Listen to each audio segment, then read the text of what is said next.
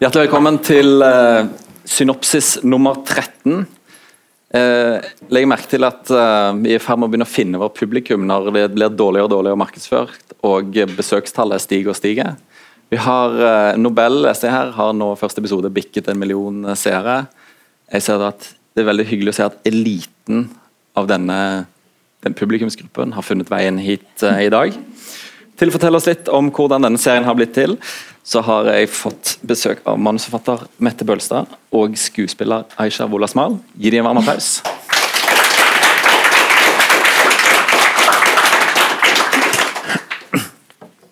Som vanlig så begynner vi med å høre dere, deres vei inn i bransjen. Eh, for Aisha så er den litt spesiell, så vi tar begynner med deg, eh, Mette. Hvordan var er helt vanlig. litt mer Litt sånn tradisjonell. Um, ja, eh, jeg eh, begynte å skrive veldig ung alder. Og så skrev jeg prosa. Det var vel egentlig det eneste jeg tenkte at var noe man kunne skrive. Hva er veldig ung alder? Uh, nei, altså jeg begynte sånn å, å Altså veldig tidlig, da. At jeg uh, lærte meg selv å lese da jeg var tre. Og skrive da jeg var fire. Så det er sånn der Jeg vet hvordan det høres ut. Også, men jeg bodde på et sted hvor det skjedde veldig lite, så det var naturlig å finne på noe, finne på noe selv. og så var det litt for å imponere foreldrene mine at jeg skulle, og kunne mer enn søsteren min som var eldre enn meg. Så da satt jeg. Men også sånn som jeg fortsatt har at uh, Jeg husker den der freden da jeg forsto O. Det var bilde av en ost. Uh, og så sto den, der, den ringen O ved siden av osten. Og, og, det var sånn helt egen lykke å skjønne at det er O for ost, og nå kan jeg lese. Og det var, det var først den, og så begynte, begynte, med. Mm. Jeg begynte med O, gikk gjennom hele den ABC-boken, den med hanen på. Og så begynte jeg å lese og holdt det helt hemmelig for uh, familien min, rett og slett. Uh, skulle egentlig ønske jeg kunne klare å holde ting hemmelig nå, men det klarer jeg ikke. Men, uh, og så skulle jeg overraske dem en søndag morgen, så da, da var jeg vel tre og et halvt, fire da kanskje. Så gikk jeg opp i sengen til moren og faren min, og så begynte jeg å lese for dem. Ja. Uh, og det var et stort øyeblikk, da. Så, så, da innad i familien så hadde jeg veldig mye støtte på skriveprosjektet. og, og, så fortsatte jeg da å skrive og begynte å skrive sånn dikt. At det var mye riming og sånt noe, som jeg syntes var gøy. Og så når du var syv, så overrasket du dem? Da hadde du gitt ut den første Nei, jeg hadde ikke gitt den ut. altså det, Den ble gitt ut i familien Bølstad. Det var mutter'n som skrev på skrivemaskinen og heftet den sammen. Skulle fiske Moses på eventyr. Så det var ikke noe sånn, det var ikke, det var ikke bred distribusjon, da. Det var det ikke. Det var kanskje noen tanter og onkler som fikk den, men ikke noe mer enn det. Men så fortsatte jeg egentlig alltid å skrive samme hva jeg drev med. Så, uh, så, skrev jeg da jeg løp orientering med Tori der nede. Så skrev jeg i Klubbavisen og, og ja, Så jeg var alltid den skrivende delen av uh, det jeg holdt på med. Um, Når fikk du publisert noe første gang? Ja, Det må ha vært den, den Klubbavisen, da, sannsynligvis. Og så Russeavisen da jeg var 18. Og så for jeg ville ikke være med på den eh, bli veldig detaljert da, den barnetimeboka, for da måtte jeg dele kreditt med andre. Så det var noe sært der fra, fra tidlig alder.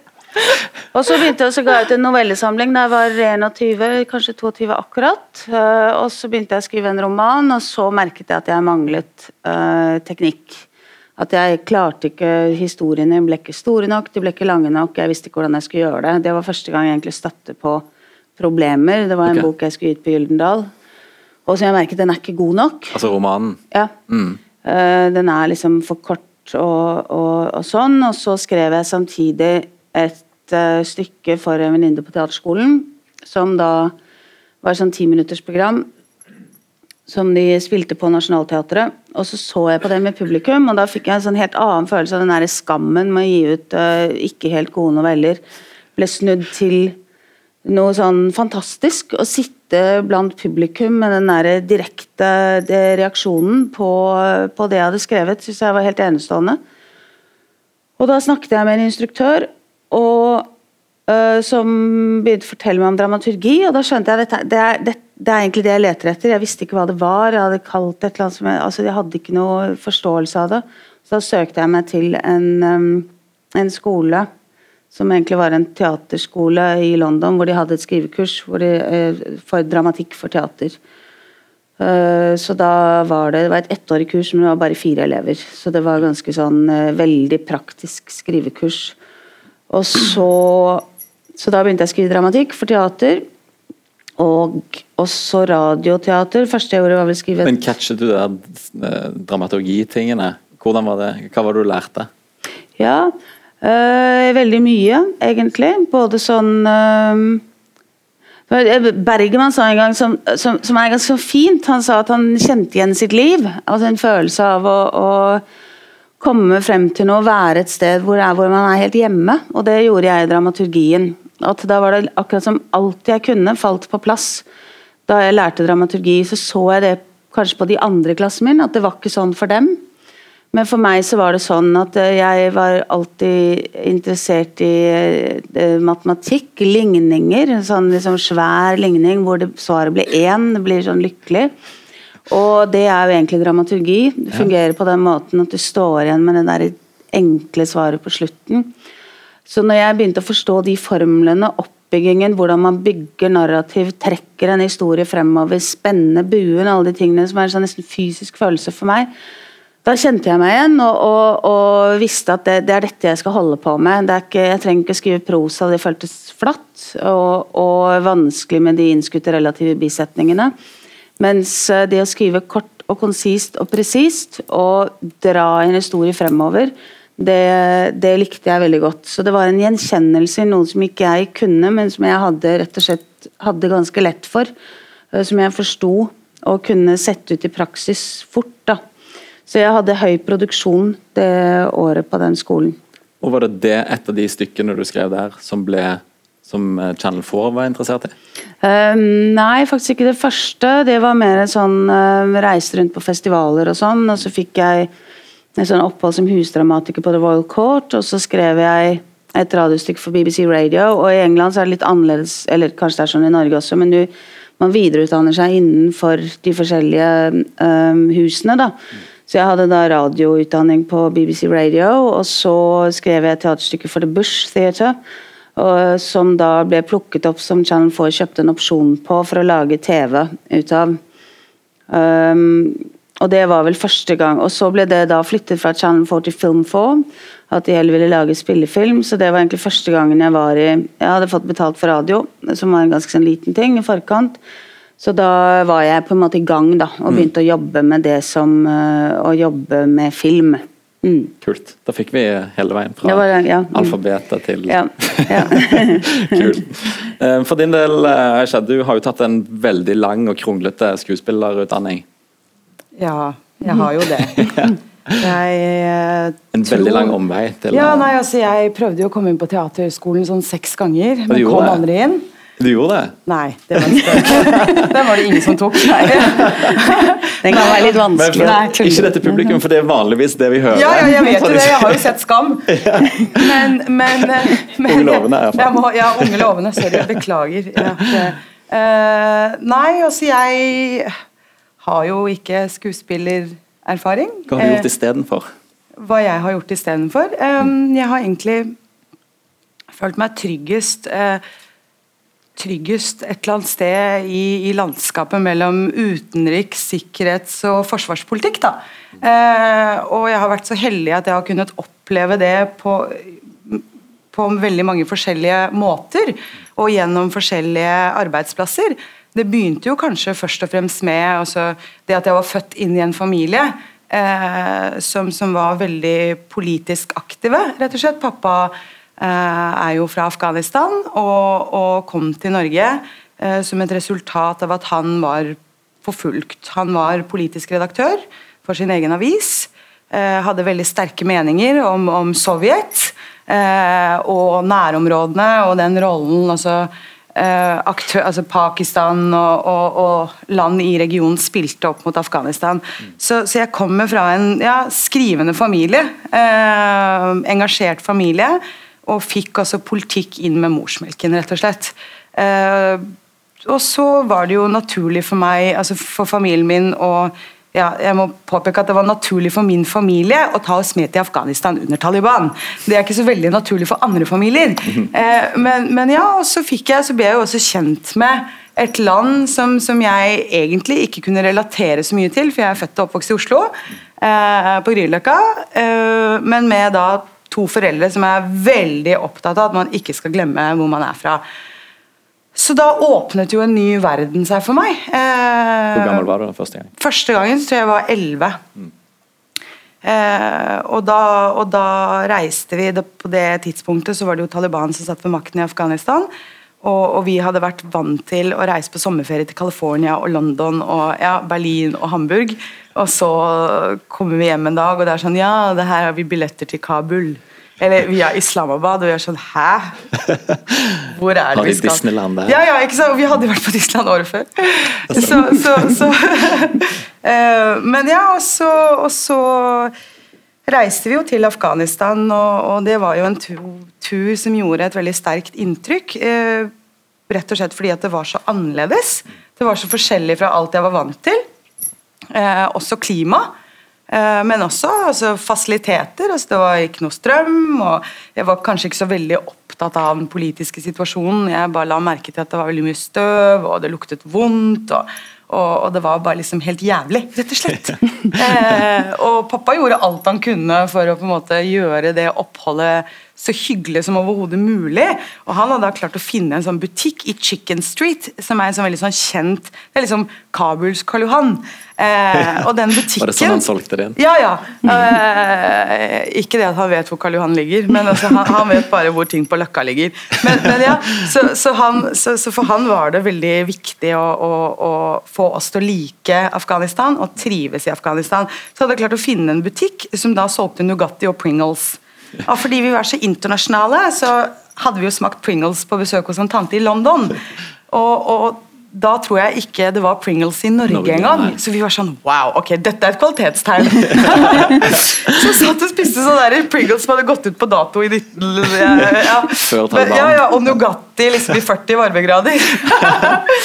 så, så, så, det var liksom a winner. Eh, men, men, men, for å komme tilbake til poenget Ja, for det, ja, for det eller hva var poenget, sa du? Nei, altså Det er mange poeng, da. Ja, det, er men, men, det er så mange. Men. Ja, ja, men, eh, men eh, Nei, altså, så, så, vi ble jo eksponert for Afghanistan, tatt med til Afghanistan.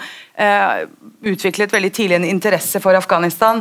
Eh, relasjonelt og emosjonelt, først og fremst, mm. og så senere politisk. Mm. Eh, og så var det jo sånn at det, som sagt, jeg var veldig engasjert i elevrådet på skolen og veldig opptatt av internasjonal politikk. Vokste ikke opp med barne-TV, som alle andre normale barn gjør i Norge.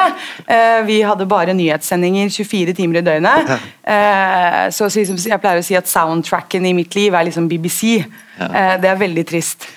Eh, men, men, men, men ja, og det fikk jo fikk jo en del uh, fine konsekvenser for liksom den det, de yrkesvalgene jeg, valgene jeg har tatt. da. Du har jo levd nesten, altså, i hvert fall hvis du ser på hele familien, så har du jo, så har jo eh, du liksom personifisert flere eh, figurer i, i, serien som er som, ja, er veldig, sant, ja, som du kan relatere deg til på en helt annen måte enn Aksel Hennie, f.eks. Uh, ja, så, så, så, så, det begynte jo med at um, jeg var veldig imot altså da 9-11 for meg er på en måte det Berlinmurens fall er for veldig mange som kanskje sitter i den salen her. Generasjonen over meg, 9-11 snudde opp ned på, på alt. eh, for meg, Jeg husker at jeg ikke var eldre enn ja, 13-12 år, men, men, men, jeg skjønte at noe var på gang. 12.9 så møter jeg på skolen med aviser og bare sånn Dette må vi diskutere.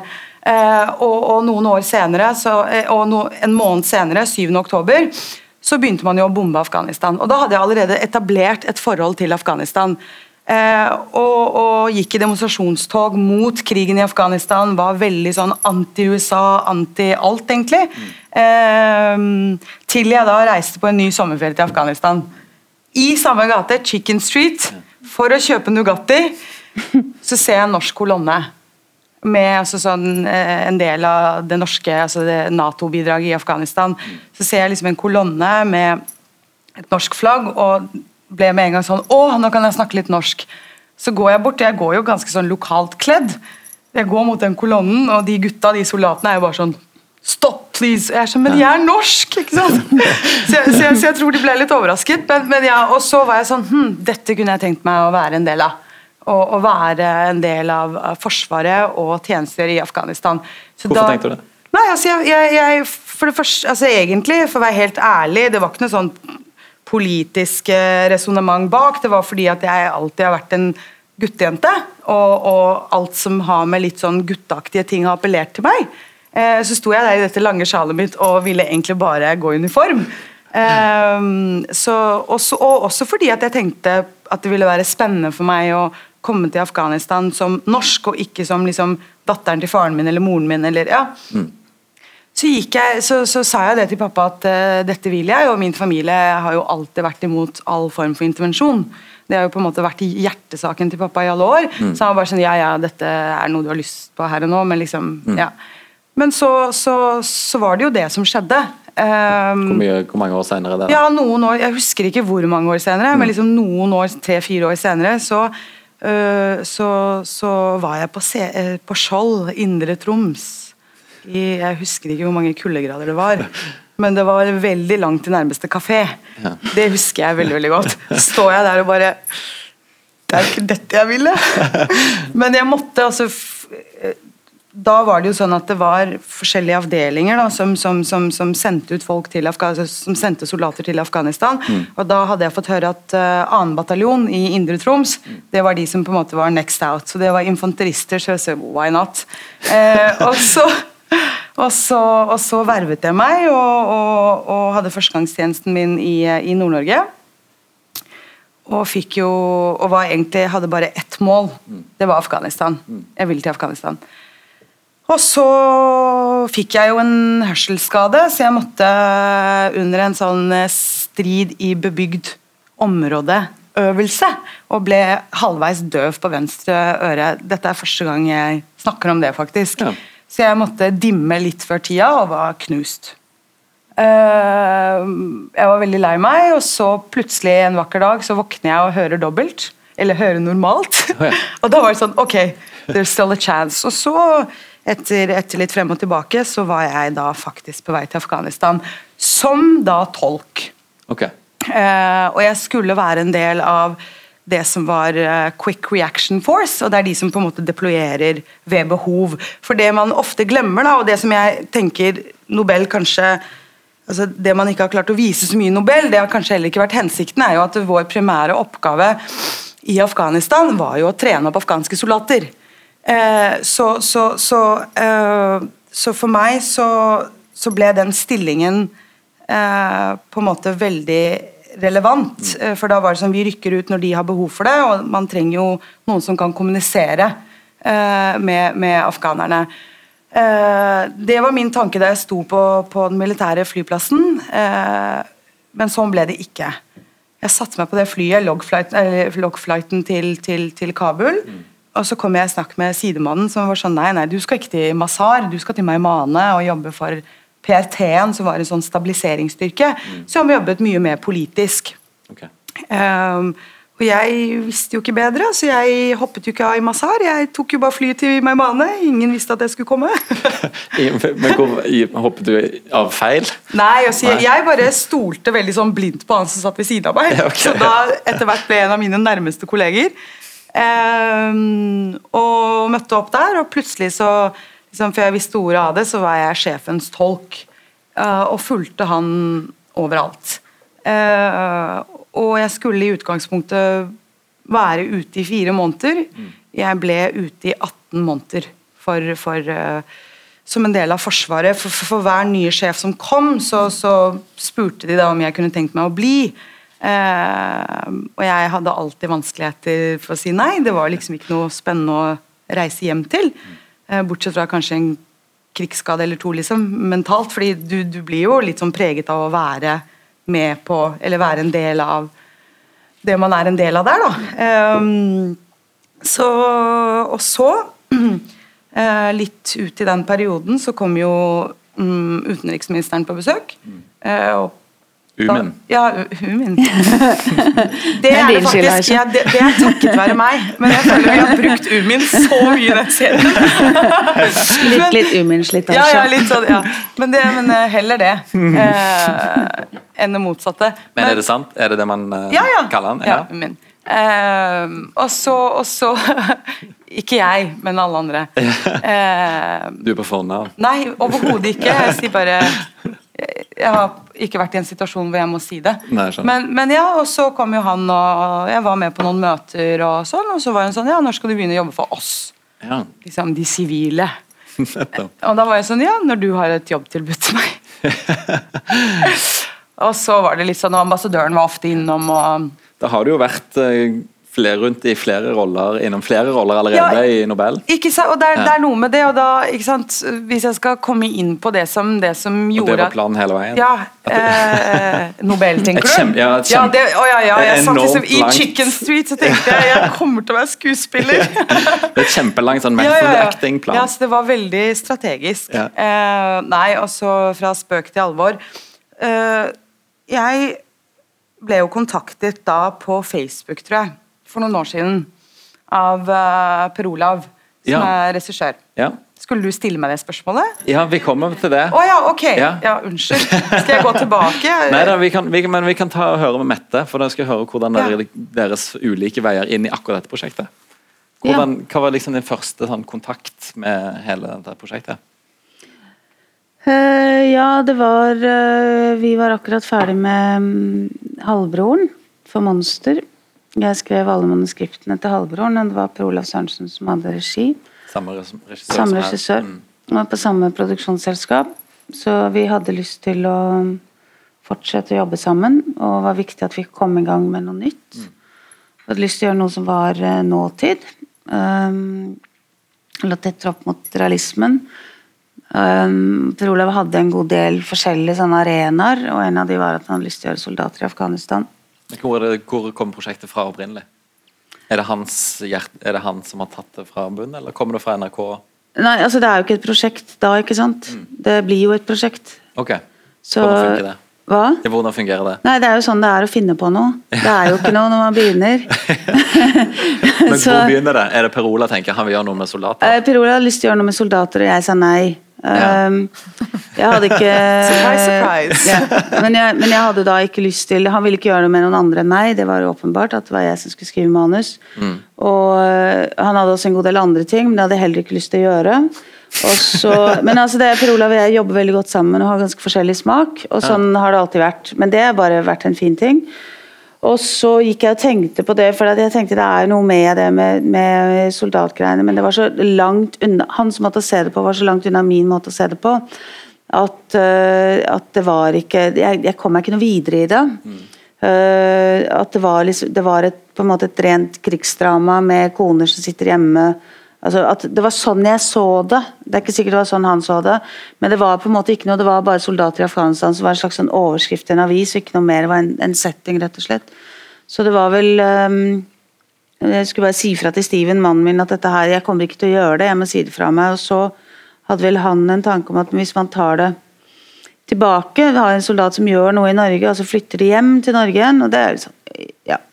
Eh, Det hadde ikke jeg tenkt at jeg kunne gjøre det på den måten. Jeg hadde tenkt mye mer sånn borte og hjemme koner, altså mer som et sånn type såpedrama. Jeg så ikke den muligheten til å lage et politisk drama ut av det. Og da gikk det egentlig ganske fort. og Da spurte jeg Steven om vi skulle gjøre det sammen. Han er mer eh, interessert i sånn, han er sånn som leser nyhetene og sånn. Så, øh, så jeg Det tenkte sa at du det ikke til meg. Hva? Det sa du ikke til meg. Du fremsto veldig sånn opplyst. Ja, men jeg er opplyst, men, eh, men, eh, men jeg er ikke sånn Ja, nei, det er ikke noe vits å gå inn på akkurat det der. Eh, Så, så da begynte vi å jobbe sammen, og da var det noen av de første scenene som ble skrevet veldig fort den første dagen. Hvilke scener var det?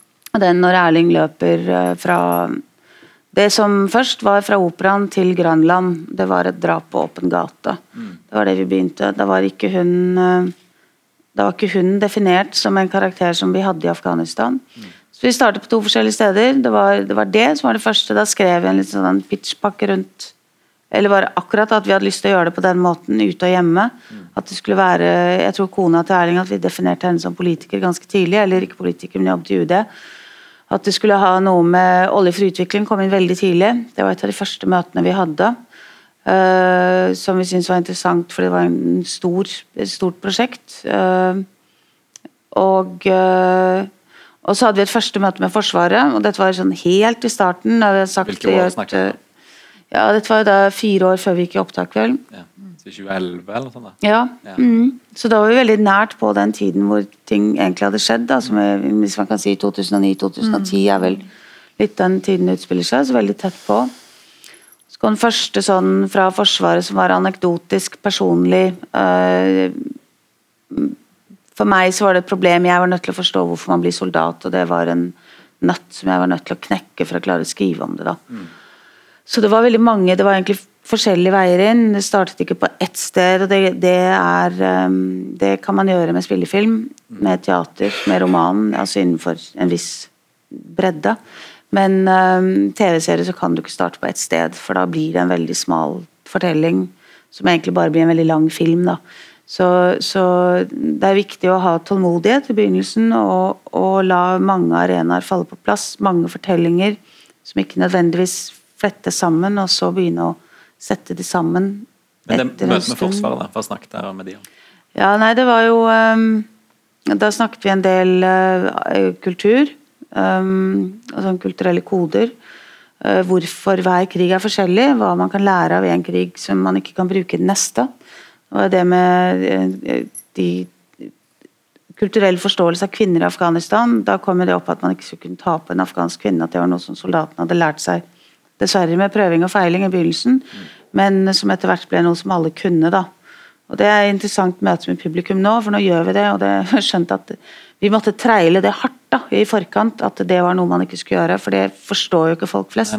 At når Aksel tar på deg på den måten, at det er, han prøver å redde livet ditt, at det skal man ikke gjøre likevel. At det er et problem for deg.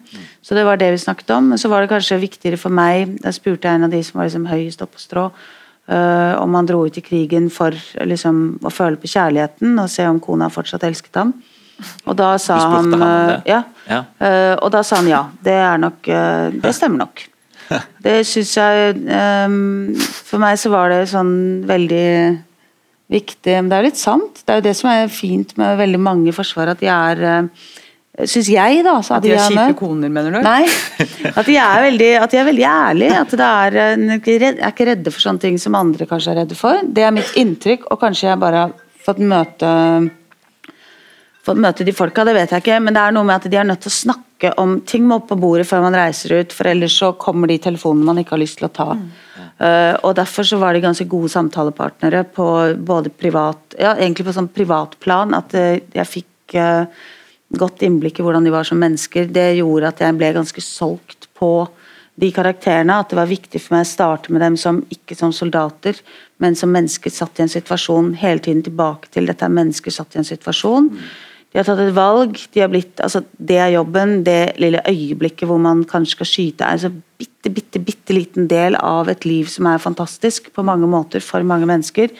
Eh, og at de blir at Hvordan reagerer disse menneskene i den situasjonen? at Det, det, er, liksom, det er det som er nøkkelen til fortellingen, da, eller til min måte å, å tenke på det. Jeg har aldri tenkt at han reagerer sånn fordi han er soldat. Det, det har ikke slått meg at det skal være en Annet enn akkurat de der at, altså En sånn type second nature, da, noe de kan, eller at man, at man er på jobb og reagerer på en måte. Men som menneske så tenker jeg på de som, som oss, eller som Ja.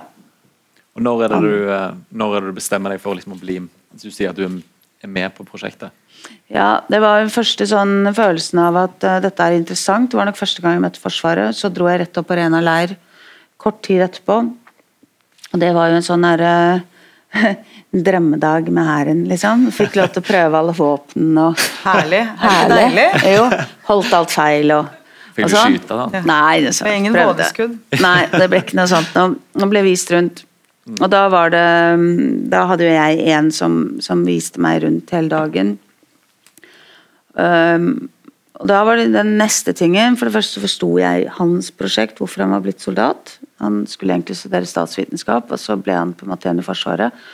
Og så ble, hadde han en sånn politisk forståelse. Det var neste sånn oppvåkningen. Da jeg gikk derfra, så var jeg overbevist om at dette kan jeg jobbe med i tre år. Ja. For det er så lang tid det tar når man skal begynne fra scratch. At det, er så interessant, det er så, det er så farlig, øh, og det er så menneskelig. Og de har en Hans politiske forståelse av noe sånn ekstremt komplekst, som jeg hadde forsøkt å lese meg opp på. Hvordan han klarte å mm. fortelle meg det med hjelp av et kart, og bare liksom snakke på noen få Eller ja, den tiden det tok. Mm. Og skjønne at de som drev og skrudde rundt og satsa altså Det de holdt på med, som var en ganske fysisk jobb, at de også hadde en oversikt og en forståelse av politikken. At de egentlig reiste ned som lokalpolitikere. Mm. uh, i mye større grad enn jeg hadde hatt inntrykk av. At de var ikke bare noen som handlet på kommando, men at de hadde forståelse av situasjonen i daglige møter med befolkningen. Det syns jeg var fascinerende. og det hadde jeg lyst til å Har du hentet det nå inn i serien? Er det noen som personifiserer det, akkurat det Nobel? Um, ja, det må jeg tenke meg om. Uh, ja, på måte på mange måter. Flere av dem. Uh, det er mer sånn typen Anders Danielsen Lie-karakter er kanskje den som Um, Mer sånn filosofiske, kanskje? Ja. Um, kanskje ligger, Jeg vet hva du syns, som for meg ligger nærmest FSK på mange måter, bortsett fra at han tar litt feil. Det, altså det som blir, er jo at man bygger opp en slags sånn kompositt av veldig mange karakterer som blir én, da. Mm. Som blir den ene soldaten. Mm. Uh, og situasjonene også. Det der at de ja, Hvordan de går. Skulle gjerne hatt mer om noe, da. Som du snakker om opplæring av soldatene, altså hvordan de går lokalbefolkningen mm, i møte. Mm. mm. Bare sånn For å følge opp her ja. nå, så tenker jeg at uh, min erfaring fra, fra, Afghanistan, hvor vi har jobbet med veldig mange forskjellige Vi er jo en del av en større militær allianse, og jeg har jo jobbet med italienske, spanske, britiske, amerikanske soldater, mm. og det er stor forskjell. Okay. Eh, og jeg tenker at Nobel bidrar jo til nettopp å vise soldater som hva er forskjellen? Nei, altså De er mer reflekterte. Norske. Eh, altså Det er ikke white trash som melder seg til tjeneste. I Norge? Ja, i Norge. Mm. Og i hvert fall ikke spesialavdelingene. Eh, for der legges det veldig mye vekt på også selvfølgelig det militærtekniske, det å være en god soldat, det å være en maskin. Men vel så mye på det kulturelle og det politiske. Det betyr på ingen måte at, at de ville bestått en statsvitenskap-eksamen. Det, det ville de sannsynligvis ikke. Men de, de, ligger veldig mange hakk over eh, soldater fra, fra, andre land, som, okay. som, som, på en måte passer mer inn i den stereotypiske definisjonen av hva en soldat er. Eh, noen vil jo sikkert mene at jeg er inhabil, men, men, men, jeg mener det at nivået har vært veldig mye høyere mm. uh, blant norske soldater. Og Det var noe vi måtte jobbe mot hele tiden også, fordi at folk kom jo inn i en sånn produksjon like forutinntatte som jeg var da jeg, sånn, ja. da jeg startet. Ja, For du var forutinntatt? Ja, ja, veldig. Altså, jeg så jo på soldater som ikke de skarpeste Virkelig ikke. Altså, jeg så på det som en sånn mm, Ok.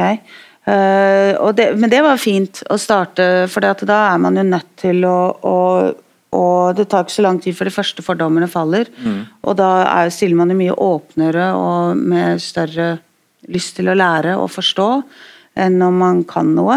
Så det, Jeg liker jo det å jobbe med ting jeg ikke forstår nå i det hele tatt. Det, merker du det på når det kom nye stab, stabsfunksjoner? Ja, da må man jo gjennom de der første rundene på at nei, vi skal ikke ha, nei, det er ikke boligfolk, det er ikke, du trenger ikke å trene så mye. Det er ikke bare liksom mm, det, er ikke om, det er ikke sånn tøffe seg, blåse seg opp, det er ikke de folka der. Det er, noen, eh, det er noen litt andre um, Ja, så det var jo egentlig eh, kontinuerlig, da. Sånn, ren sånn, Hvis jeg skal si noe om den som kanskje har den fysikken som jeg kjenner igjen fra felt, så må jo det være han Mats eh, Sjøgaard Pettersen. Mm han er for meg Han er kanskje ikke så mye med. Hvem, på vegne av publikum så spør jeg hvem. Jeg husker ikke hva heter Håvard han. Håvard Bakkeli heter han. Håvard Bakkeli, og Han er liksom sånn i bakgrunnen. Men ja. liksom, Han er kjempetynn, men han er skikkelig sterk. så, så, så, det er min erfaring. Jeg jobbet ikke med bolere, liksom. Eh, jeg jobbet med sunn norsk ungdom som, som, begynte å gå langrenn da de var liksom Du skrev ost da du var tre måneder, de begynte å gå på ski, liksom. Så, ja. Men hvordan var din vei inn i dette prosjektet? Uh, ja. Uh, som jeg var inne på i stad, så fikk jeg en uh, melding ja, På Facebook? På Facebook, ja, Det er der det skjer. Ja. Ja, og så litt sånn Hei, fra Per Olav. Mm.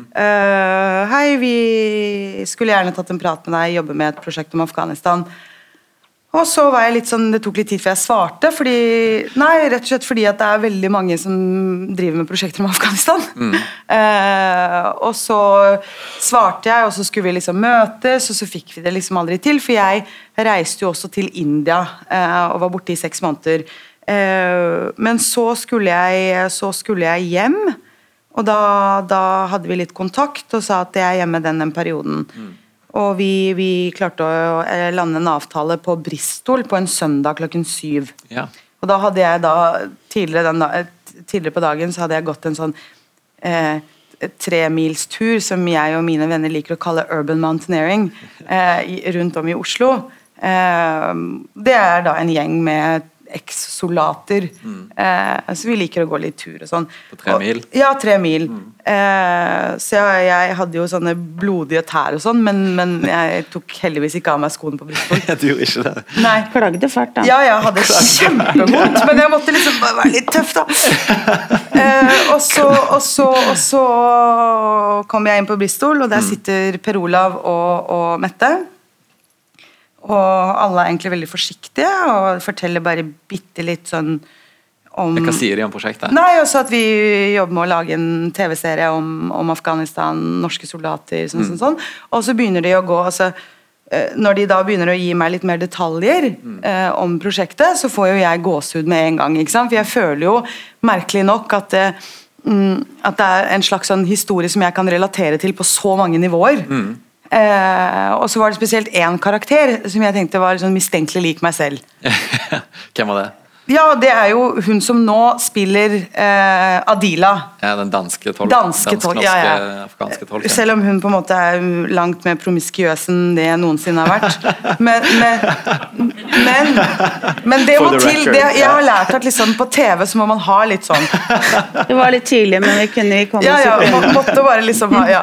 Men, men, men ja, og så var jeg sånn, ja, dette kan ikke være en tilfeldighet. Og jeg fikk jo ikke noe, hverken en avkreftelse eller en bekreftelse der og da, men Men for det var fordi vi, vi, vi skjønte ikke det. Hva, hva skjønte dere? Vi skjønte ikke at det var deg. Nei, sånn, ja, ja. ok, fordi det, ja, ikke sant? Jeg vil Ja. få høre om din versjon av Ja. det møtet. Mette. Eller vil du Nei, også fordi mitt Ja. inntrykk var at det, dette er liksom too good to be true. Ja. Eh, og så og så og så var det litt sånn å, ok, men så etter hvert så fikk man jo vite at eh, noen i NRK hadde tipset Per Olav, var det det? Eller? Det vet jeg ikke. Det var det som Vi hadde hørt en historie fra kanalen uh, som kjente Hun kjente en uh, som hadde en søster uh, fra en afghansk familie, og hun hadde dratt til Afghanistan med ISAF-styrkene. Dette hørte vi om veldig tidlig. Og det synes vi var det, det var sånn Ja, men det må vi ta med, det er gøy. Og så skrev vi inn det, og, så, og det var det eneste som vi hadde hørt. Um, og så møtte vi da Aisha og forklarte om dette her, og jeg skjønte det ikke da. men jeg skjønte ja. det neste gang at det Ja. var jo deg. Ja. At det var jo søsteren din som hun i kanalen kjente. Oh ja, sånn, ja. At, Så det var jo da faktisk Aisha, og så ble Ja. det jo åpenbart veldig tidlig at um, For det første, Per Olav ville jo da at du skulle være med uh, som skuespiller, og det syns jo du var bare helt sånn Og det skjønte jeg med en gang, at det, for det var det dummeste du kunne tenke deg. Og så Og det hadde jeg, jeg den ja, ja, men det er jo bare sånn det, og, Men det skjønner jeg, liksom. Og, mens jeg ville jo da Jeg skjønte jo plutselig at nå har jeg en som Ok, hun har vært uh, på ambassaden i Kabul.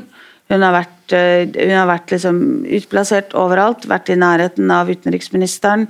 Snakket språkene, dekker hele den derre endeløse researchlista mi. Ja, det er en massiv kinderegg Som er bare det, det, er sånn der, det er helt grenseløst hvor mye jeg var nødt til å faktasjekke. Og plutselig så hadde jeg én person som, som Du bare kunne bruke så mye du Jeg kunne bruke så mye jeg ville.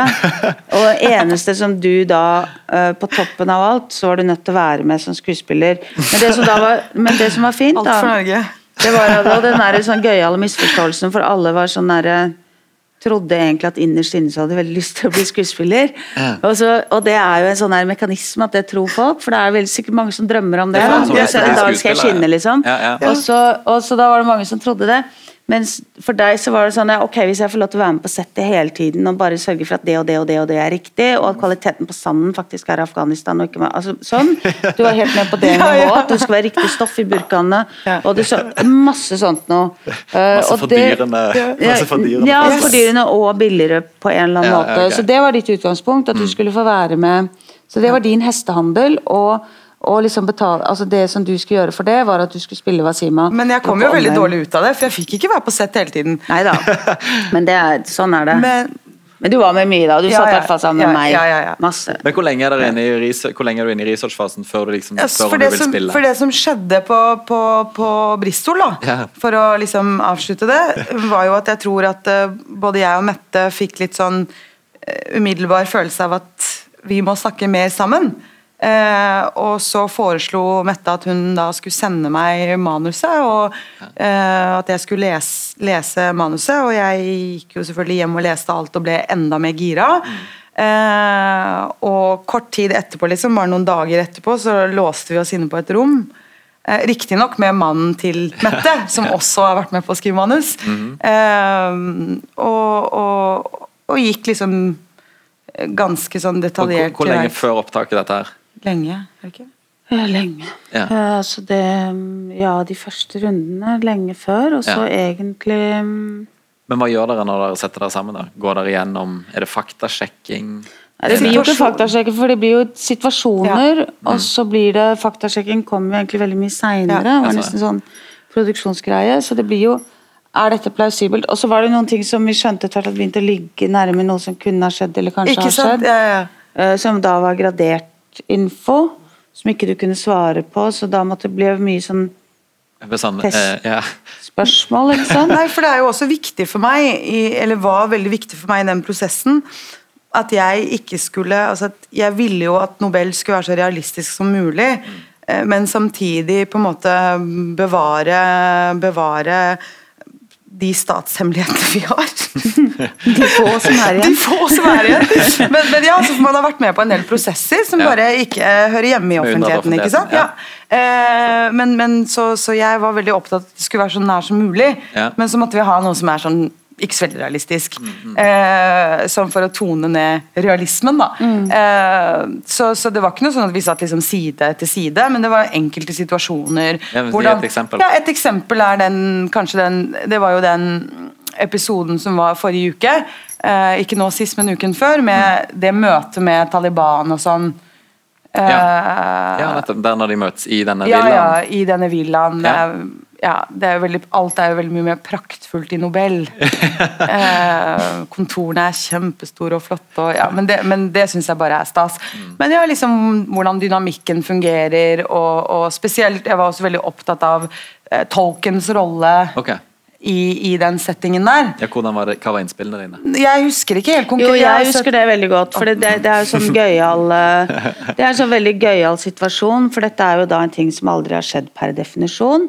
Så derfor så må man da snakke om hvis dette hadde skjedd. Ja. Uh, og da Ikke sant? Det var jo sånn vi snakket sammen Er det er akkurat som i. Watergate, når du sånn Hvis Ja. dette er sant, legg på om ti sekunder. Ja, det, så, sånn. så, så hvis dette hadde skjedd, det første man da gjør, er å ta frem alle mobiltelefoner legge på bordet når Ja. Taliban kommer inn i rommet. Uh, og så Hva er så hva er, grunn, hva er rasjonalet der? Er det avlytting? de bruker jo ikke um, eh, ja, de, man, ja, man skal ikke kunne ha muligheten til å spore opp liksom, location, rett og slett. slett. Mm. Så hva det, Eh, hvorfor legger man telefonene der? Er de slått Ikke av? ja, Nei, du må jo ja, slå av. ikke sant? Ja, ja. Legges bort Ja. alle. Det er en sånn tillitsgreie, Ja, sånn som ja, jeg forstår det. At Ja, det skal man gjøre frivillig. Av med alt sånn der eh, hun sånn tolken som sitter der, ikke noe samband med de andre. Ja, sånn. Eh, bare sånn Nå sitter vi her alene i en privat um, i en privat setting. Så det var sånn, også Da må man spørre også sånn i forhold til hvor står PST, hvor mange er de? Eh, en tydelig ting som da sånn, ikke sant? Man tenker ofte praktisk, eh, scenisk eh, på, i, I dramatikken så har du jo de menneskene i scenene som er viktig i en scene for å få drama til å spille. Og så kommer det sånne ting, så sier hun nei, det, det må forankres med ambassadøren. Ja. Jeg Ja, men jeg har ikke lyst til å ha med Men så faen da, vi skal ikke ha en ambassadør her. Jo, det, hvis han skulle gjort noe sånn som ikke har skjedd, så måtte ambassadøren vært der. Ok, inn med ambassadøren. Altså den norske ambassadøren. Ja, den norske ambassadøren i Kabul. Og så er det, ja, og så må da Som for øvrig var polsk. Ja, ja. Nei, det var han ikke, faktisk. Det var en venn av Per som var i Praha den dagen. Ja. Så det var helt uh, Hjelmen litt sånn på ja, ja, ja. Uh, nei, det, jeg tror ikke han var polsk, altså. Og så var det da um, Jeg er ikke 100 sikker, men jeg tror det. Nei, og så, var det eh, Det var han. Hva var den andre Jo, Faruqi. Som også er en fyr som du har funnet på. Mm. sånn hard brainstorming. Så jeg, hva heter han da? Nei, han kan hete Faruqi. Det er tredd så hardt man jobber noen ganger. Ja, ja, ja. Men hvem er Faruqi rundt det bordet? Han er da guvernøren. Ja, ja, ja, Eh, og da kom også inn det der eh, med eh, prosent Taliban, ikke sant? At du kan være 40 Ja. eller 60 eller altså det graderinger Ja, ja. av eh, og så En annen ting så var f.eks. hvis man da skulle ha et sånt møte og få gjennom en sånn avtale, så var det veldig viktig å vite forskjell på lokal og nasjonal forankring. Okay. Og Det er noe som får uh, uh, og Det var noe vi snakket ganske mye om, forskjellen på de to. Så det, så det, hvordan jeg husker ikke stemmen. Nei, for eksempel da at uh, Ja, her har du jo sannsynligvis, det vet vi jo fortsatt ikke, fordi serien er jo ikke over, men det kan virke som de bare har lokal forankring med Taliban. Dvs. Si Ja. at det er den, ikke sant? At det er lokale Taliban som, som uh, møter utenriksministeren, mm. og at kanskje ikke det da er sjekka Nettopp. til topps. Fordi man Ja. ser jo at de blir angrepet, og da vet vi ikke om det er han som har vært i møte som angriper, Ja. Eller om det er nasjonale Taliban. Skjønner. eh, Eller man kan ikke kalle det det, men likevel. Ja, ja, ja. Nasjonale Taliban. Ja, så det, statsvitenskap, Ja. eh, Ja. så, det, så det er jo sånne ting som er ganske komplisert, og som er viktig å klare å fortelle på en måte sånn at publikum trenger ikke å forstå det, men de må skjønne at det er riktig. Mm, Kult. Og så tenkte liksom det bidraget i den scenen hvor liksom hvor jeg var opptatt av at det ikke skulle Altså at der hvor på en måte det bryter litt med realismen, det må jo være det flotte skjegget til Jan har, så dere den ja, Ja. Det var veldig mange som la merke til at det skjegget ikke så så veldig ekte ut. eh, og det, det var jo ikke ekte. Ja, men, skulle, men var det riktig at det var der? Ja, altså Taliban har jo skjegg. Ja, ja. Og de vil jo at alle andre skal ha skjegg. Ja. Men, men bare, Det var ment som en spøk, men ingen lo. Men, men, ja, Ingen turte å le. Det. Dårlig humor. Det funka på Twitter! Ja, nei. Ja. Men fortell om audition. I- å ja, um, Ehm, Og hvor lenge etter er det Ja, du altså, ble bedt på audition? For å gjøre en lang historie kort, så var det sånn jeg satt med, med Mette eh, Den har vært ganske lang da opp til nå. Ja, men, eh, ganske ja. lenge. Jeg satt mye med Mette, eh, som også viste veldig mye interesse for å få det så riktig som mulig. Ja. PO var opptatt av det, men liksom Per Olav, men, men Ja. Mette var sånn Vi må bare ha det riktig. Eh, så, og så var det jo liksom sånn, som Mette var inne på i stad, at jeg var bare ikke opptatt av manus, men jeg ville at man skulle unngå alle de feilene man ser i Homeland og sånn. At liksom du er i Pakistan, men så ser du en afrikaner på torget, liksom. Det skjer ikke. Ja. Eh, og på alt det språklige og på klærne og sånn. Mm. Eh, så jeg jobbet mye med hun som skulle sminke oss, og Ja. hun Når du kostymeansvarlig. sier jobbet med, var det du som gikk og plaget henne? Eller var det Ja, faktisk jeg, du jeg, leide ja, men jeg var sånn, sånn som folk egentlig ble litt lei av etter hvert. Jeg, jeg vet det. Ja. Jeg, jeg, og, og det var min jobb. Ja. Jeg følte at uh, I was a woman on a mission, og min mission var at på en måte alle skulle hate meg litt. ja. Uh, Men ble du betalt for all denne hatingen? Ja, altså jeg klarte å lande en god deal. Men, men, men jeg hadde gjort det uansett. Ja. Eh, Det så, så, så, så poenget er sant, kvaliteten på burkaen og alt sånt, som Mm. kanskje ikke betyr noe for veldig mange, men jeg mener det er kjempeviktig Mm. i, i, i, i på en måte hvordan man fremstiller et folk. Mm. Eh, og de første bildene fra De første bildene jeg så, da, som produksjonen hadde klart å liksom google seg frem til fra Afghanistan, var at alle barna var skitne, alle bare hadde masse sand i munnen og i ansiktet og sånn. Og det er jo ikke sånn det er. Eh, du finner jo rene, pene, velstelte folk også i Afghanistan. Merkelig nok. Sjokk. Ja. Og så var det liksom på klær og kostyme og hva går man med og hva går man med ikke og sånn. Mm. Eh, men, men, men, så jeg var på en måte tilknyttet alle deler av produksjonen, og så begynte Per Olav å snakke om liksom, ja, skal du ikke, kan, du, kan du ikke eh, Prøvespille? ja, prøvespille, og så var jeg sånn til hva da? Og helt i begynnelsen, nettopp fordi Adila, tolken, er på en måte ligger veldig nært opp til virkeligheten og det jeg har jobbet med, så var det det, men så kasta han jo verdens mest fantastiske skuespiller, Danica. Eh, og så var det jo liksom Wasima, da, den afghanske karakteren. Eh, og han begynte å liksom mase, forsiktig sagt, da, eh, med det liksom Men kan ikke du prøve å Så sa jeg jeg er ikke skuespiller, og, og jeg vil ikke være skuespiller. Og, og jeg er ikke komfortabel med det. Eh, For jeg har jo også på en måte jobbet hardt for å komme dit jeg er. ikke sant? Og være en troverdig stemme hva angår bruken av militærmakt og Norge i verden. Så det for meg å på en måte gå fra liksom å være Jeg, jeg vet at det høres skikkelig arrogant ut, men liksom å gå fra å være på Urix til rampelyssidene, det var liksom bare nei, nei, nei. nei, nei. Ja. Sant? Eh, og så la jeg den ballen dø, og så plutselig så ringer han meg etter midnatt en kveld.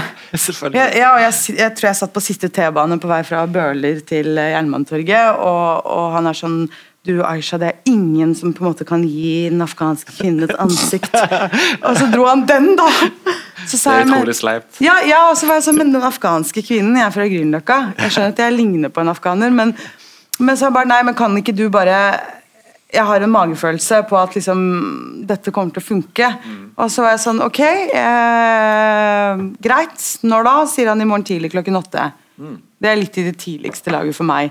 Men, men så var jeg sånn Ok, da gjør jeg det. Og så var det eh, ved Blå der på Nå er det veldig mange Oslo-referanser, jeg beklager, jeg glemmer at jeg er i er Bergen.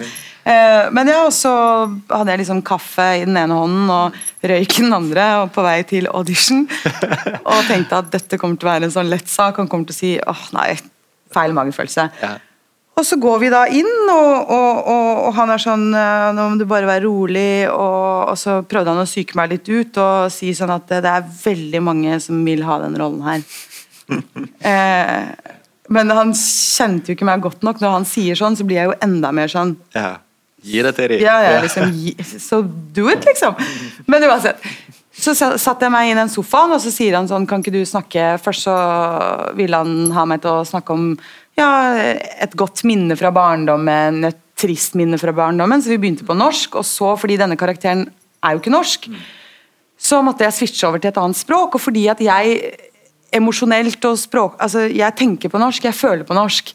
Så for meg, det å på en måte si noe som enten er veldig sånn sørgelig eller veldig gledelig, er unaturlig å si på, på et annet språk, da.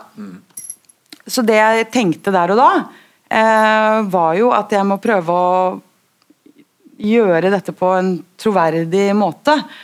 Og da kom jeg på alle de historiene jeg hadde blitt fortalt eller jeg hørte mens jeg jobbet i Afghanistan. Og, og jeg var jo mye innom kvinnefengselet i, i Meymaneh, for vi hadde norske fengselsbetjenter som mentorerte de afghanske fengselsbetjentene.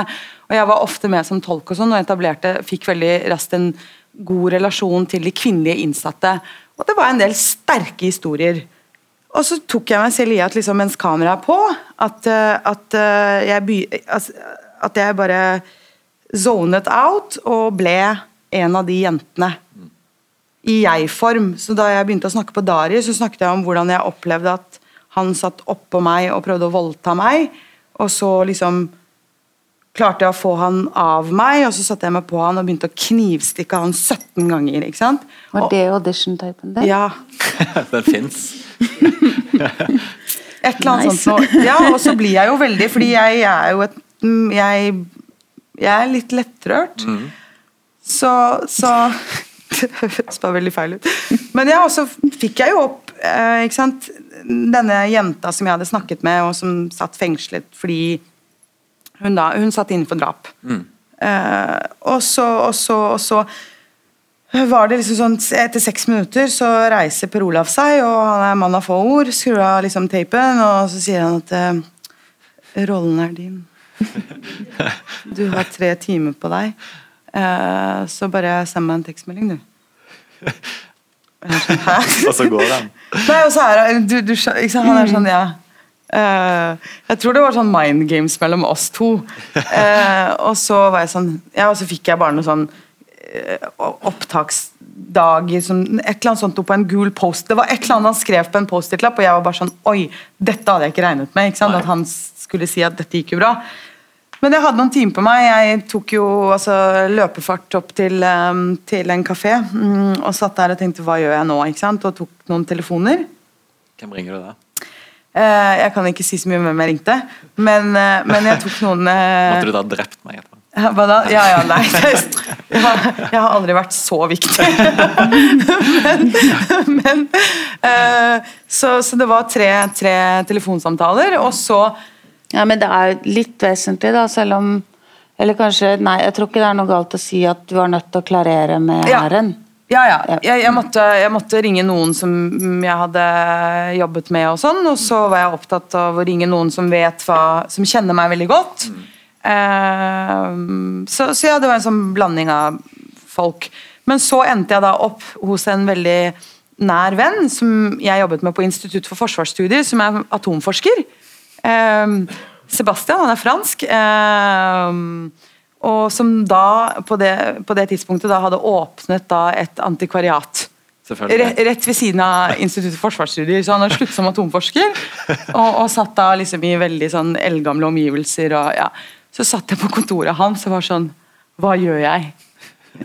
Eh, og han var bare sånn eh, Dette må du gjøre. Han var fransk.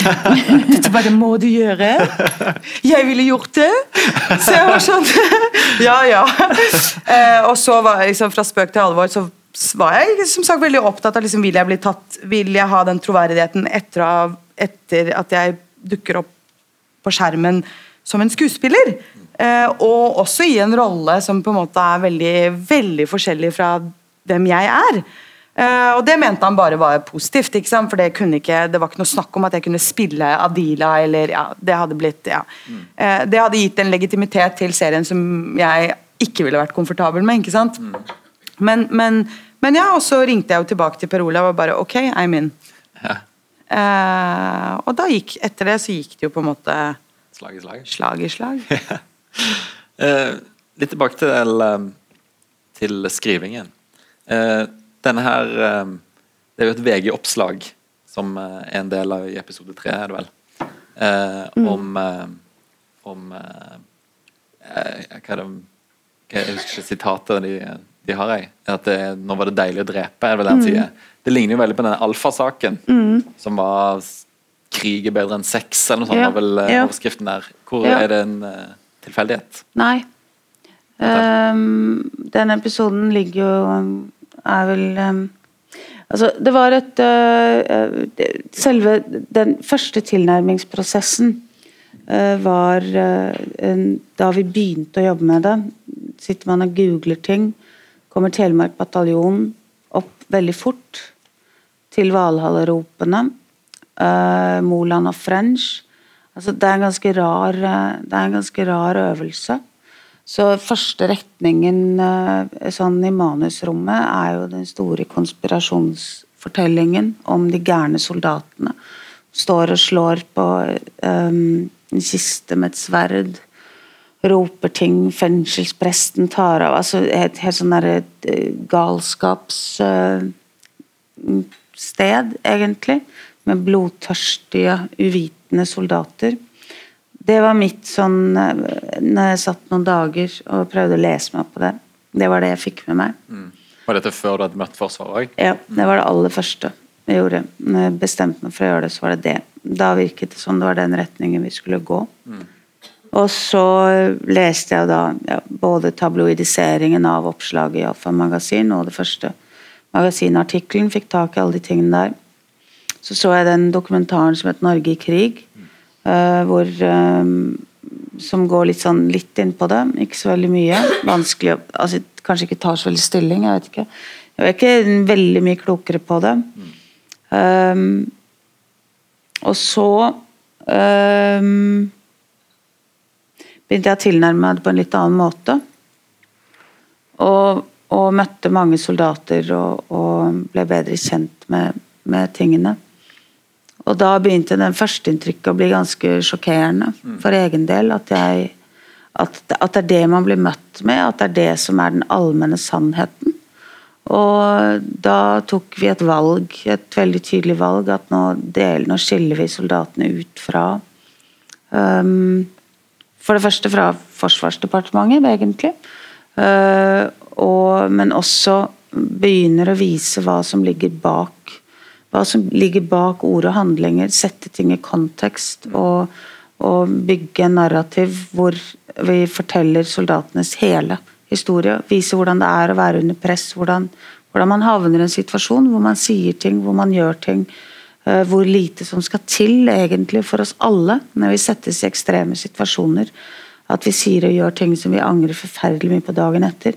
Der har jeg masse egen erfaring. Det er, jeg gjør dumme ting hele tiden.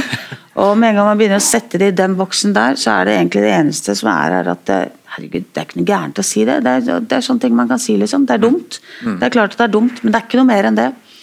Og så var det, eh, når jeg begynte å snakke da med, med folk i Forsvaret, så ble, det var en ting jeg ble veldig imponert over, og det var at de det var ikke så viktig for dem. Omdømmet er jo til en viss grad viktig. Det var ikke så viktig. Det var alltid viktigere å tjene nasjonen først. Uh, hvis det var noe som skulle holdes hemmelig, skulle det holdes hemmelig, til tross for at soldatene da ville bli fremstilt i et dårlig lys. De går ikke ut og forsvarer seg aktivt mot sånne ting.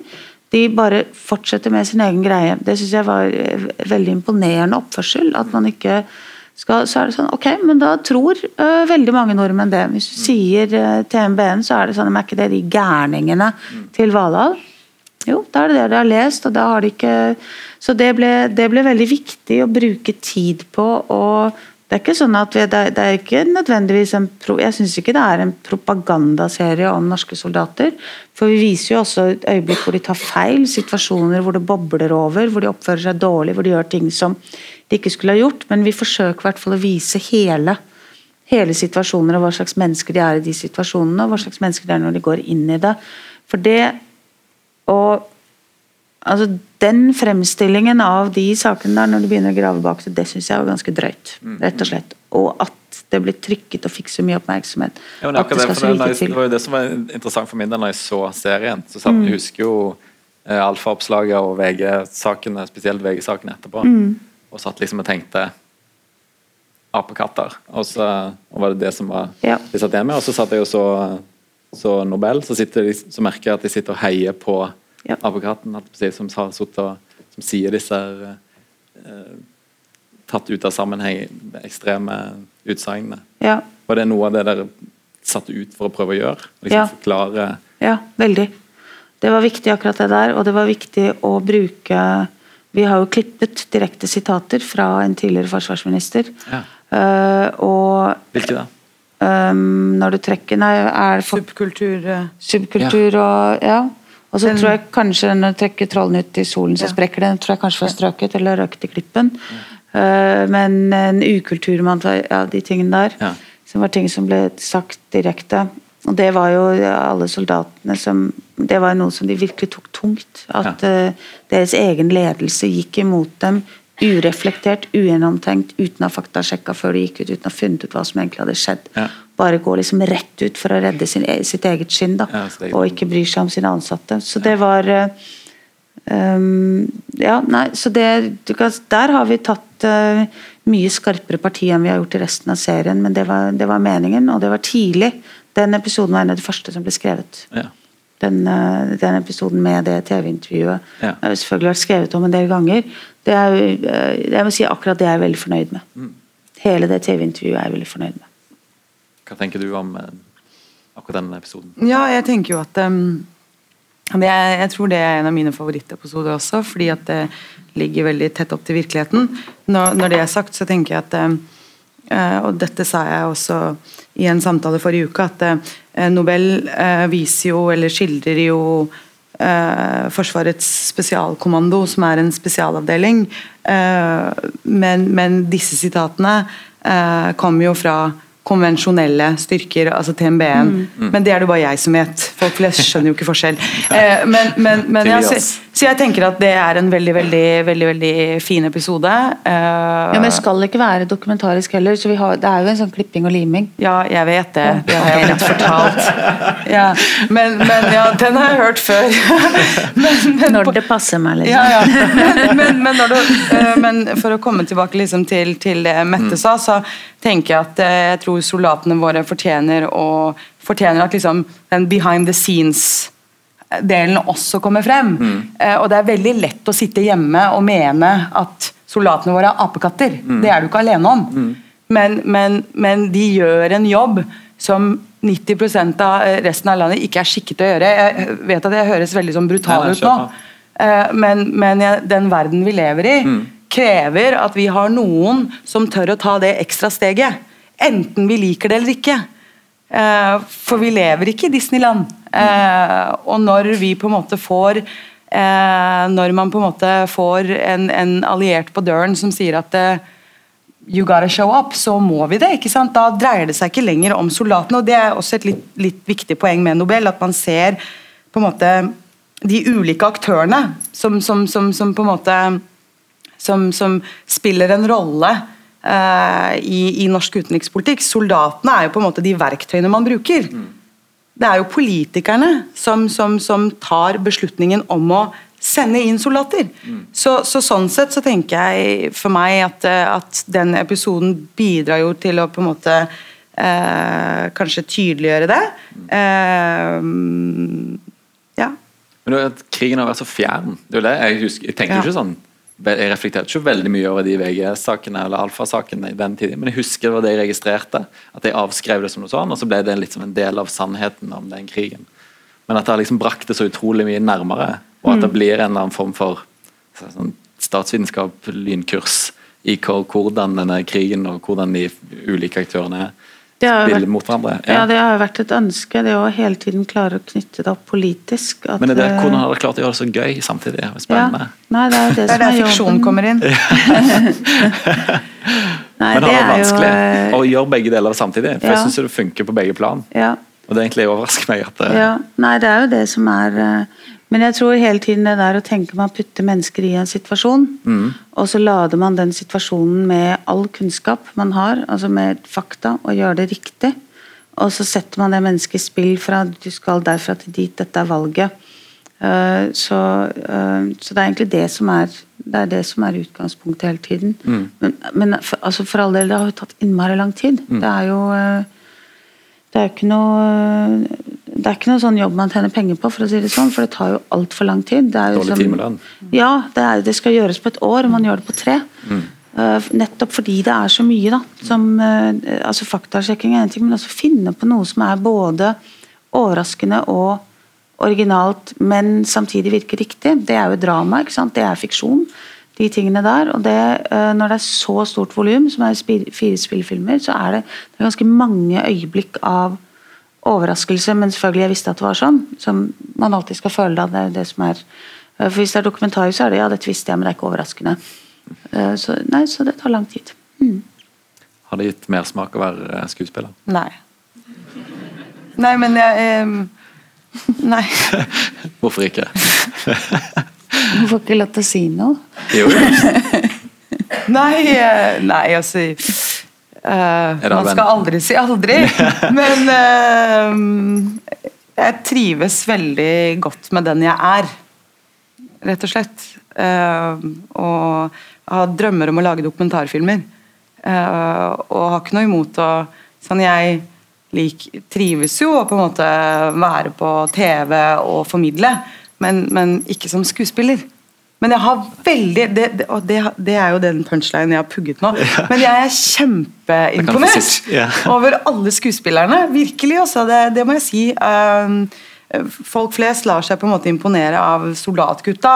Det er kanskje de som imponerer meg minst, men det er på en måte hun Tuva da, i UD og, og journalist. altså Det er bare et, Og um, Christian Rubek. Eh, Halvard Holmen. eh, utrolig mange dyktige skuespillere. Som, som, altså et stjernelag av skuespillere som også var veldig sånn hjelpsomme underveis på sett. og sånn, når jeg ble stressa da jeg kom, Den markedsstenen var jo bare helt bananas. Jeg kommer og ser 400 statister. og er sånn, Dette vil jeg ikke. Var det første du filma? Det er det Nei, det var jo den Ja. deilige seansen i, i, i parker, ja, ja, Å ja, parkerings... selvfølgelig. Ja. eh, garasjen der. Mm. Fikk mye juling. ja, og det, det er egentlig en sånn litt morsom historie at um, den scenen hvor, hvor jeg får litt, litt juling da, i en garasje i Oslo eh, Vi skulle ta en pause og skulle spise lunsj litt sånn lenger opp. eh, eh, et kvartal unna, og så husker jeg at det, jeg var jo fortsatt veldig blodig, for jeg kunne liksom ikke vaske av meg sminken for jeg skulle spise lunsj. Så går jeg alene på vei ut av denne garasjen, og så står det folk som skal liksom betale for, altså parker, for å parkere. Og, og, og, det var jo ingen som visste, det var jo ingen sånn synlige kameraer, ingenting. Det var bare meg med masse blod og ganske sånn trist ansikt. Og de snudde seg. Bort fra deg? Ja, altså, jeg var jo sånn Og da var jeg sånn Hæ? For jeg, jeg, jeg, jeg var sånn Hvorfor er det ingen som reagerer? Hvorfor er det ingen som kommer bort til meg og spør om det går bra med meg? For det var ingenting ved meg som på en måte var fake. Altså Jeg er bare en ordentlig sånn skamslått, mørbanka dame på vei ut av en sånn eh, gara- P-hus. Og det var liksom tre personer som sto i den køen, og de bare liksom lot som ingenting. Shit. Men dette, dette er din definisjon av en artig historie? Nei, det er jo ikke en artig historie, det er kjempetrist. Det, det er skikkelig trist at liksom Ja. vi bare vil ikke forholde oss til uh, Og da tenker jeg igjen, ikke sant, er det kjempebra at Nobel viser en del sånne sterke scener som gjør at vi på et eller annet vis må forholde oss til, til, til soldater, til politikere, eller til, altså, til norsk utenrikspolitikk. Det får være siste ordet. For Jeg har en milliard spørsmål som jeg ikke rekker å stille. For jeg har gått over tiden. Det var altfor gøy å høre på det. Tusen takk for at dere kom, Mette Bølstad og Aisha Wolasmal. Tidligere ansatt.